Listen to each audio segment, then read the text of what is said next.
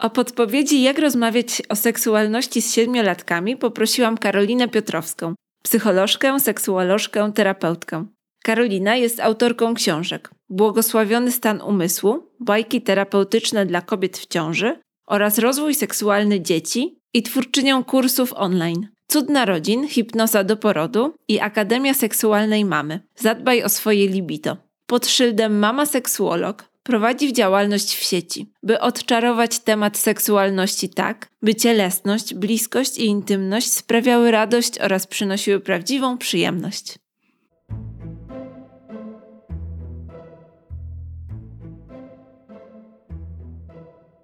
Nie mam dzieci. Nie jestem psycholożką ani edukatorką seksualną. O intymności wciąż się uczę.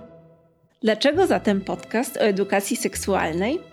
Bo głęboko wierzę w bezpieczną przyszłość, że dzięki wiedzy przestajemy się bać, wstydzić, zaczynamy odróżniać przekonania od faktów, że edukacja jest drogą do prawdziwej, trwałej wolności. I wierzę też, że o intymności najwięcej uczymy się od naszych najbliższych, rodziców i opiekunów. Dlatego to właśnie Wam dedykuję tę audycję. W tym podcaście usłyszysz rozmowy z 19 psycholożkami, seksuolożkami i edukatorkami seksualnymi. Poznasz odpowiedzi na ponad 300 prawdziwych pytań zadawanych przez dzieci i nastolatki. Dowiesz się też, jak rozmawiać z dziećmi o dojrzewaniu, relacjach i seksie. Jak w bezpiecznych warunkach dać im najcenniejszą rzecz wiedzę, a tym samym bezpieczeństwo i zdrowie. Pamiętaj również, że zastosowany podział według wieku jest umowny. Wybrane pytania mogą pojawić się wcześniej lub później, bo każde dziecko rozwija się w swoim indywidualnym tempie. Zapraszam do słuchania.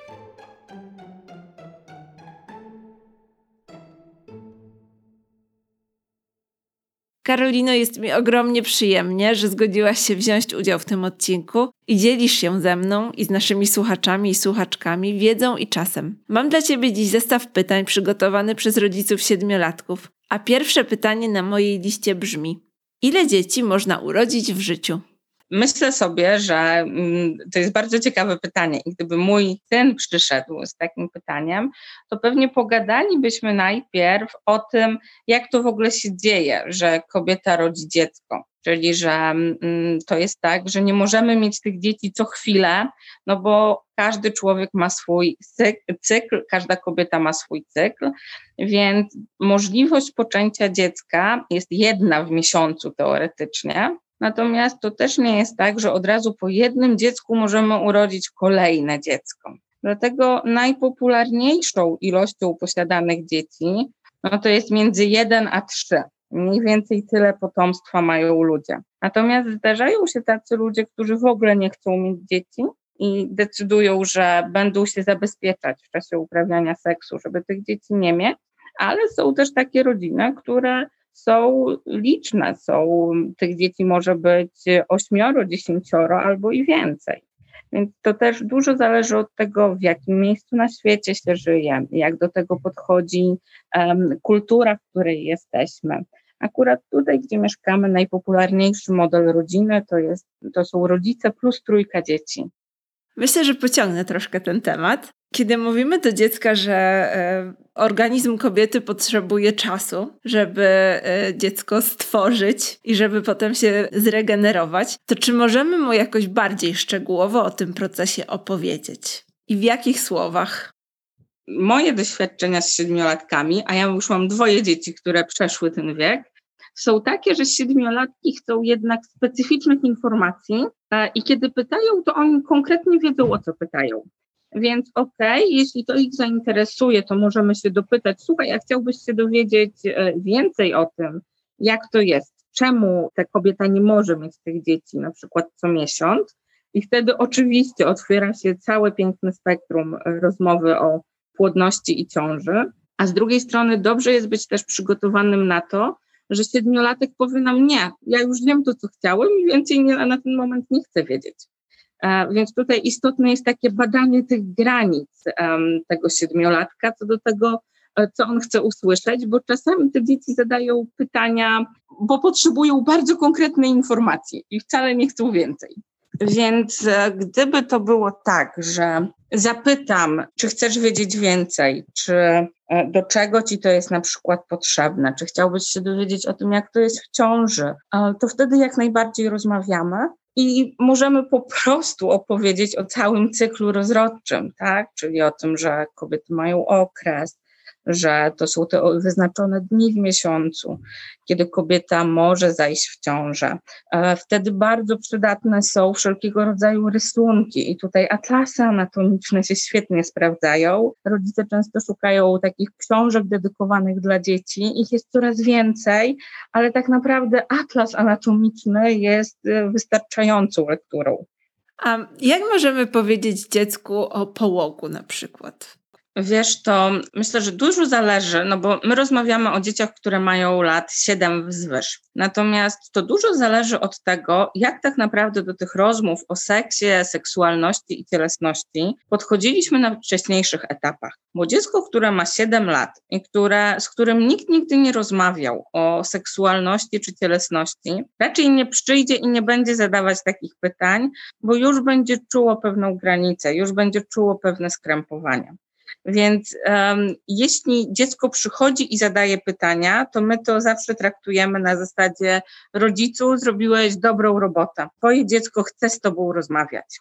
Ale też ja zawsze uczulam, czy to w czasie warsztatów, jak rozmawiać z dziećmi o seksie, czy w mojej książce e, Rozwój seksualny dzieci, uczulam na to, że dzieci wcale nie pytają z użyciem słów. Jakby my jako dorośli o tym zapominamy, bo za główną formę komunikacji uznajemy język. Ale dziecko, które nie zna słowa połu, nie przyjdzie i nie zapyta, a mamo, a co tu jest połu? Ono będzie na przykład dążyło do tego, żeby więcej obcować z tą panią, która teraz nosi takie dziwne majtki albo powie, co to za pielucha, a tam rodzice, wiesz, zaraz czerwieni na twarzy, nie mów o tym, nie można, tak? Więc bardzo ważne jest, żeby wyłapywać e, z dzieckiem te, ja to nazywam zachowania pytające.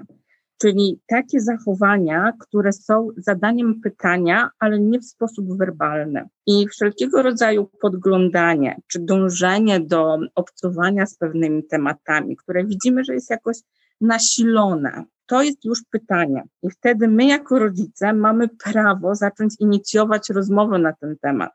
Bo często rodzice czekają na to, aż to dziecko przyjdzie i zapyta, więc dziecko może nigdy nie przyjść i nie zapytać tak wprost.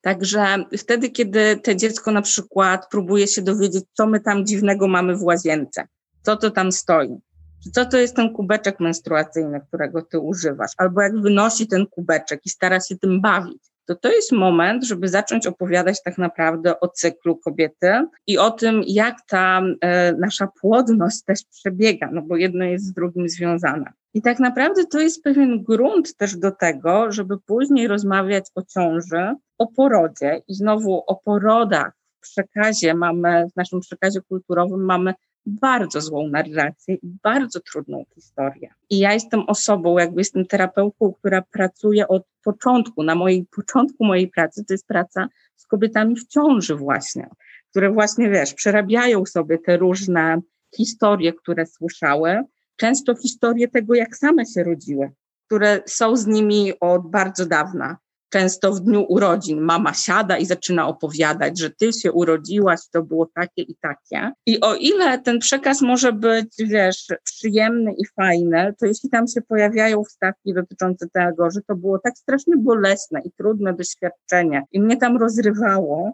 to to nie są informacje dla dziecka, które ma lat 7 Dziecko, które ma lat 7, ma tendencję do wyolbrzymiania wielu rzeczy, do robienia z małej trudności bardzo dużą trudność. To jest jakby taki etap rozwojowy, gdzie też pojawiają się różne lęki, takie racjonalne i nieracjonalne.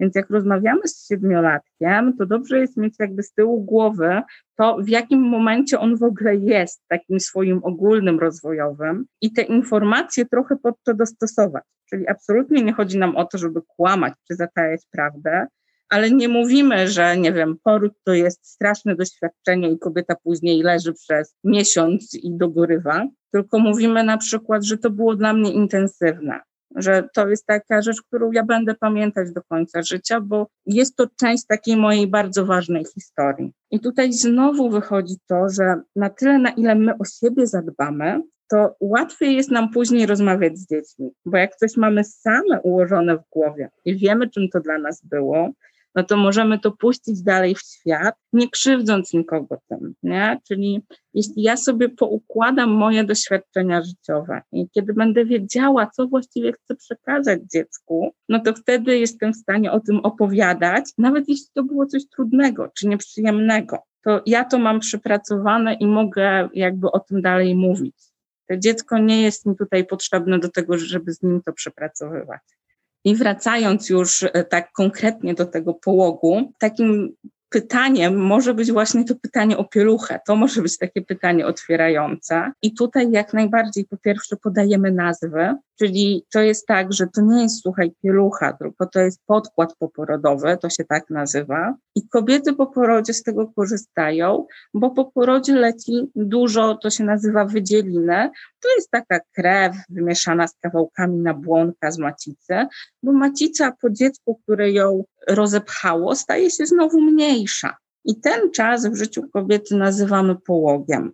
Ten połóg kiedyś się mówiło, że trwa 6 tygodni. Na dzień dzisiejszy raczej wiemy, że to jest dłuższy okres. Mówi się, że właściwie rok czasu po narodzinach dziecka ciało kobiety wraca do tej stabilności sprzed ciąży. Czy babcia może urodzić dziecko? Jest taki moment w życiu każdej kobiety, kiedy płodność się zatrzymuje. I ten czas nazywany jest menopauzą. I po tym okresie kobiety już nie są w stanie znowu być w ciąży. Co to znaczy stracić dziecko? I tutaj zrobiłabym znowu drobną uwagę, że to zależy trochę od tego, z jakiego jesteśmy domu, czyli nasza, jakby tło nasze kulturowe i religijne będzie tutaj miało znaczenie w kontekście tego, co odpowiemy naszemu dziecku. Ponieważ, okej, okay, taki zwrot się pojawia w naszym języku i jest bardzo popularny, natomiast część ludzi pewnie będzie chciała wyjaśnić już dla siedmiolatka, że mm, no my mamy takie pytanie filozoficzne, kiedy właściwie człowiek staje się człowiekiem i że nie ma co do tego pełnej zgody. Że niektórzy mówią, że już od momentu poczęcia, a inni mówią, że dopiero w którymś momencie ciąży, a jeszcze inni mówią, że no dopiero po porodzie, jak może samodzielnie funkcjonować. Więc siedmiolatek to jest już taki człowiek, z którym można wchodzić w takie głębsze tematy i można jakby pokazywać mu, że ten świat jest wielopłaszczyznowy i czasami dziecko jest tym bardzo zainteresowane. E, zwłaszcza te rozmyślania filozoficzne różnego rodzaju są bliskie siedmiolatkom. I z tym też są czasami związane ich lęki na przykład o to, czy nie zostali adoptowani właśnie, tak? Temu też to jest taki okres, że dzieci są szczególnie zainteresowane tym tematem płodności. Więc pewnie mm, tutaj byśmy odpowiedzieli, ja bym pewnie odpowiedziała, tak, moim dzieciom, że kiedy mówimy, że ktoś stracił dziecko, to mamy zwykle na myśli to, że w czasie ciąży ten płód obumarł albo wtedy, kiedy nastąpił przedwczesny poród i dziecko nie było w stanie żyć samodzielnie i zmarło. W którym miesiącu ciąży wiadomo, czy to dziewczynka, czy chłopiec? I wydaje mi się, że to jest pytanie o płeć biologiczną, ale jeżeli uważasz, że na przykład warto już na tym etapie mówić o płci w kontekście gender, czyli płci kulturowo-społecznej, to myślę, że to też będzie fajne takie uzupełnienie. Tak, jak najbardziej. Myślę, że znowu, to oczywiście zależy od tego, jakie tło już ma dziecko i co to dziecko już wie. Więc ja z moimi dziećmi, które mają 7 i 9 lat w tym momencie, nie mam trudności tak, z rozmową na ten temat, no bo wiem, że oni mają jakby solidną edukację seksualną za sobą i że już rozumieją pewne sprawy. Natomiast jeśli dziecko tak naprawdę nie zna tego, że my mamy coś takiego jak płeć biologiczną, ale ta płeć jest też pewnym konstruktem i nie tyczy się tylko naszej biologii, no to zwykle jest tak, że wprowadzamy informacje od ogółu do szczegółu. Czyli najpierw się zajmiemy tą płcią biologiczną, bo zapewne o to pytało dziecko, a dopiero w dalszej części przejdziemy do rozmów o tym, że niektórzy mogą mieć ciało, które wygląda jak ciało kobiece, a jednocześnie czuć się mężczyzną. albo nie czuć się ani w pełni kobietą, ani w pełni mężczyzną. I siedmiolatki to są już ludzie, którzy jak najbardziej są w stanie o tym rozmawiać i często ich to bardzo ciekawi. Jeśli zaś idzie o te samo pytanie, czyli kiedy wiadomo, czy to jest e, kobieta, czy mężczyzna, to tak naprawdę no, nasza płeć jest, bio, ta płeć biologiczna jest zdeterminowana już w momencie poczęcia. No bo albo mamy chromosom XY, albo nie. I jak najbardziej o tym możemy rozmawiać, na tym zasadzie, że to jest ustalone od początku, ale my się o tym dowiadujemy zwykle dopiero w czasie badań USG, takich, kiedy maluszek pokaże, jak jest zbudowany. Czyli to może być w 12 tygodniu ciąży, ale rzadko kiedy. Zwykle to jest w okolicach połowy ciąży. Czasami kobiety mają robione wcześniej takie badania, które przy okazji określają, jaką biologiczną płeć ma to dziecko. Co to jest homoseksualizm? Znowu, bardzo to zależy od całego tła. I dziecko raczej nie zapyta wprost, chyba że usłyszy taki termin. Częstszym pytaniem będzie, czy jak, nie wiem, będę dorosły, to będę mógł mieszkać z moim kolegą, albo a jak ja pokocham kolegę, albo e, czy dwie koleżanki mogą ze sobą żyć. Więc takie pytania to często są takie pytania znowu nie wprost, ale właśnie o to, jak to jest z naszą orientacją seksualną. Um, więc gdyby dziecko zapytało, co to jest homoseksualizm, no to odpowiedzieli, ja bym odpowiedziała, że to jest jedna z orientacji seksualnych. Czyli to oznacza, że mężczyzna kocha mężczyznę, albo kobieta kocha kobietę, czyli osoby tej samej płci czują do siebie miłość i pożądanie i chcą ze sobą być. Dlaczego kopnięcie wiądra tak bardzo boli? Pewnie powiedziałabym, bo to są po prostu takie bardzo wrażliwe okolice ciała. One są bardzo mocno unerwione e, i też dlatego stymulacja ich jest taka przyjemna, czyli kiedy ich dotykasz, czy kiedy później w czasie zbliżeń, czy seksu, czy jakiś pieszczot ludzie się dotykają po narządach intymnych, to to jest takie przyjemne, bo tam jest bardzo wiele zakończeń nerwowych. Jak sperma dostaje się do kobiecego ciała? I tutaj dochodzimy trochę do obalania takiego przekazu, który często dzieciom jest e, mówiony w okolicach czwartego, piątego roku życia, kiedy dzieci pytają, skąd się biorą dzieci. I wtedy często rodzice zaczynają im opowiadać o takim poziomie komórkowym, czyli że jest taki plemniczek i on tam do tego jajeczka, tak? A jakby totalnie pomijają ten etap wcześniejszy, czyli że ci ludzie uprawiają seks. Więc jeśli my wcześniej nie będziemy się bali po prostu słowa seks i powiemy, że no, ludzie uprawiają seks, to to pytanie pewnie nie padnie. Natomiast gdyby padło, no to po prostu odpowiadamy, ludzie uprawiają seks i wtedy sperma dostaje się do dróg rodnych kobiety i stamtąd trafia dalej w okolice jajeczka. Co to jest współżycie seksualne?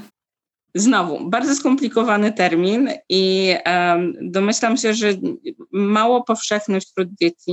Dzieci będą używać raczej terminów bardziej potocznych, z którymi się gdzieś tam napotkają, więc nie zdziwmy się, jeśli dziecko przyjdzie i na przykład e, będzie przez jakiś czas zawstydzone, będziemy widzieli, że coś się tam gnębi i na przykład powie, że a ja usłyszałem, że ktoś mówi co to znaczy?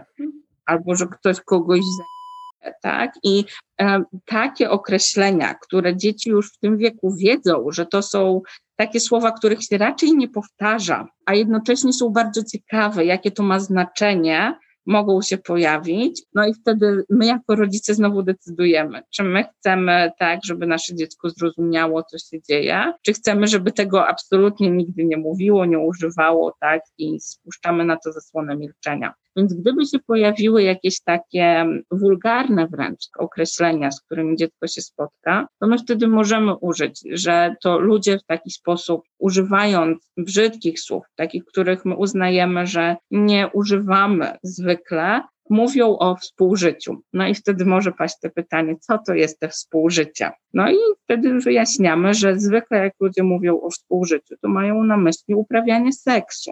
I znowu dziecko może się zapytać, no dobra, ale co to właściwie ten seks? Hmm? tutaj dochodzimy do tego, jak rodzic rozumie seks i seksualność. Bo często to jest tak, że my za seks uznajemy samą penetrację, i jak pada słowo seks, to nam się to kojarzy po prostu z penetracją. Natomiast no, w seksuologii zdecydowanie częściej staramy się to zmiękczać, a raczej dawać szersze znaczenie dla seksu. Czyli, że seksem nie jest tylko penetracja, tylko seksem jest intymne zbliżenie dwójki ludzi, zwykle dwójki, którzy chcą sobie sprawiać przyjemność, którzy chcą ze sobą być w taki wyjątkowy, szczególny sposób. A czy przy takim pytaniu można powiedzieć właśnie, że na przykład wtedy, może nie na etapie siedmiolatka, bo to już jest y, starsze dziecko, ale wcześniej, że to, to jest na przykład, kiedy dorośli się przytulają na, go, na, na golasa na przykład. I czy to jest pełna definicja seksu? No wiadomo, że nie jest.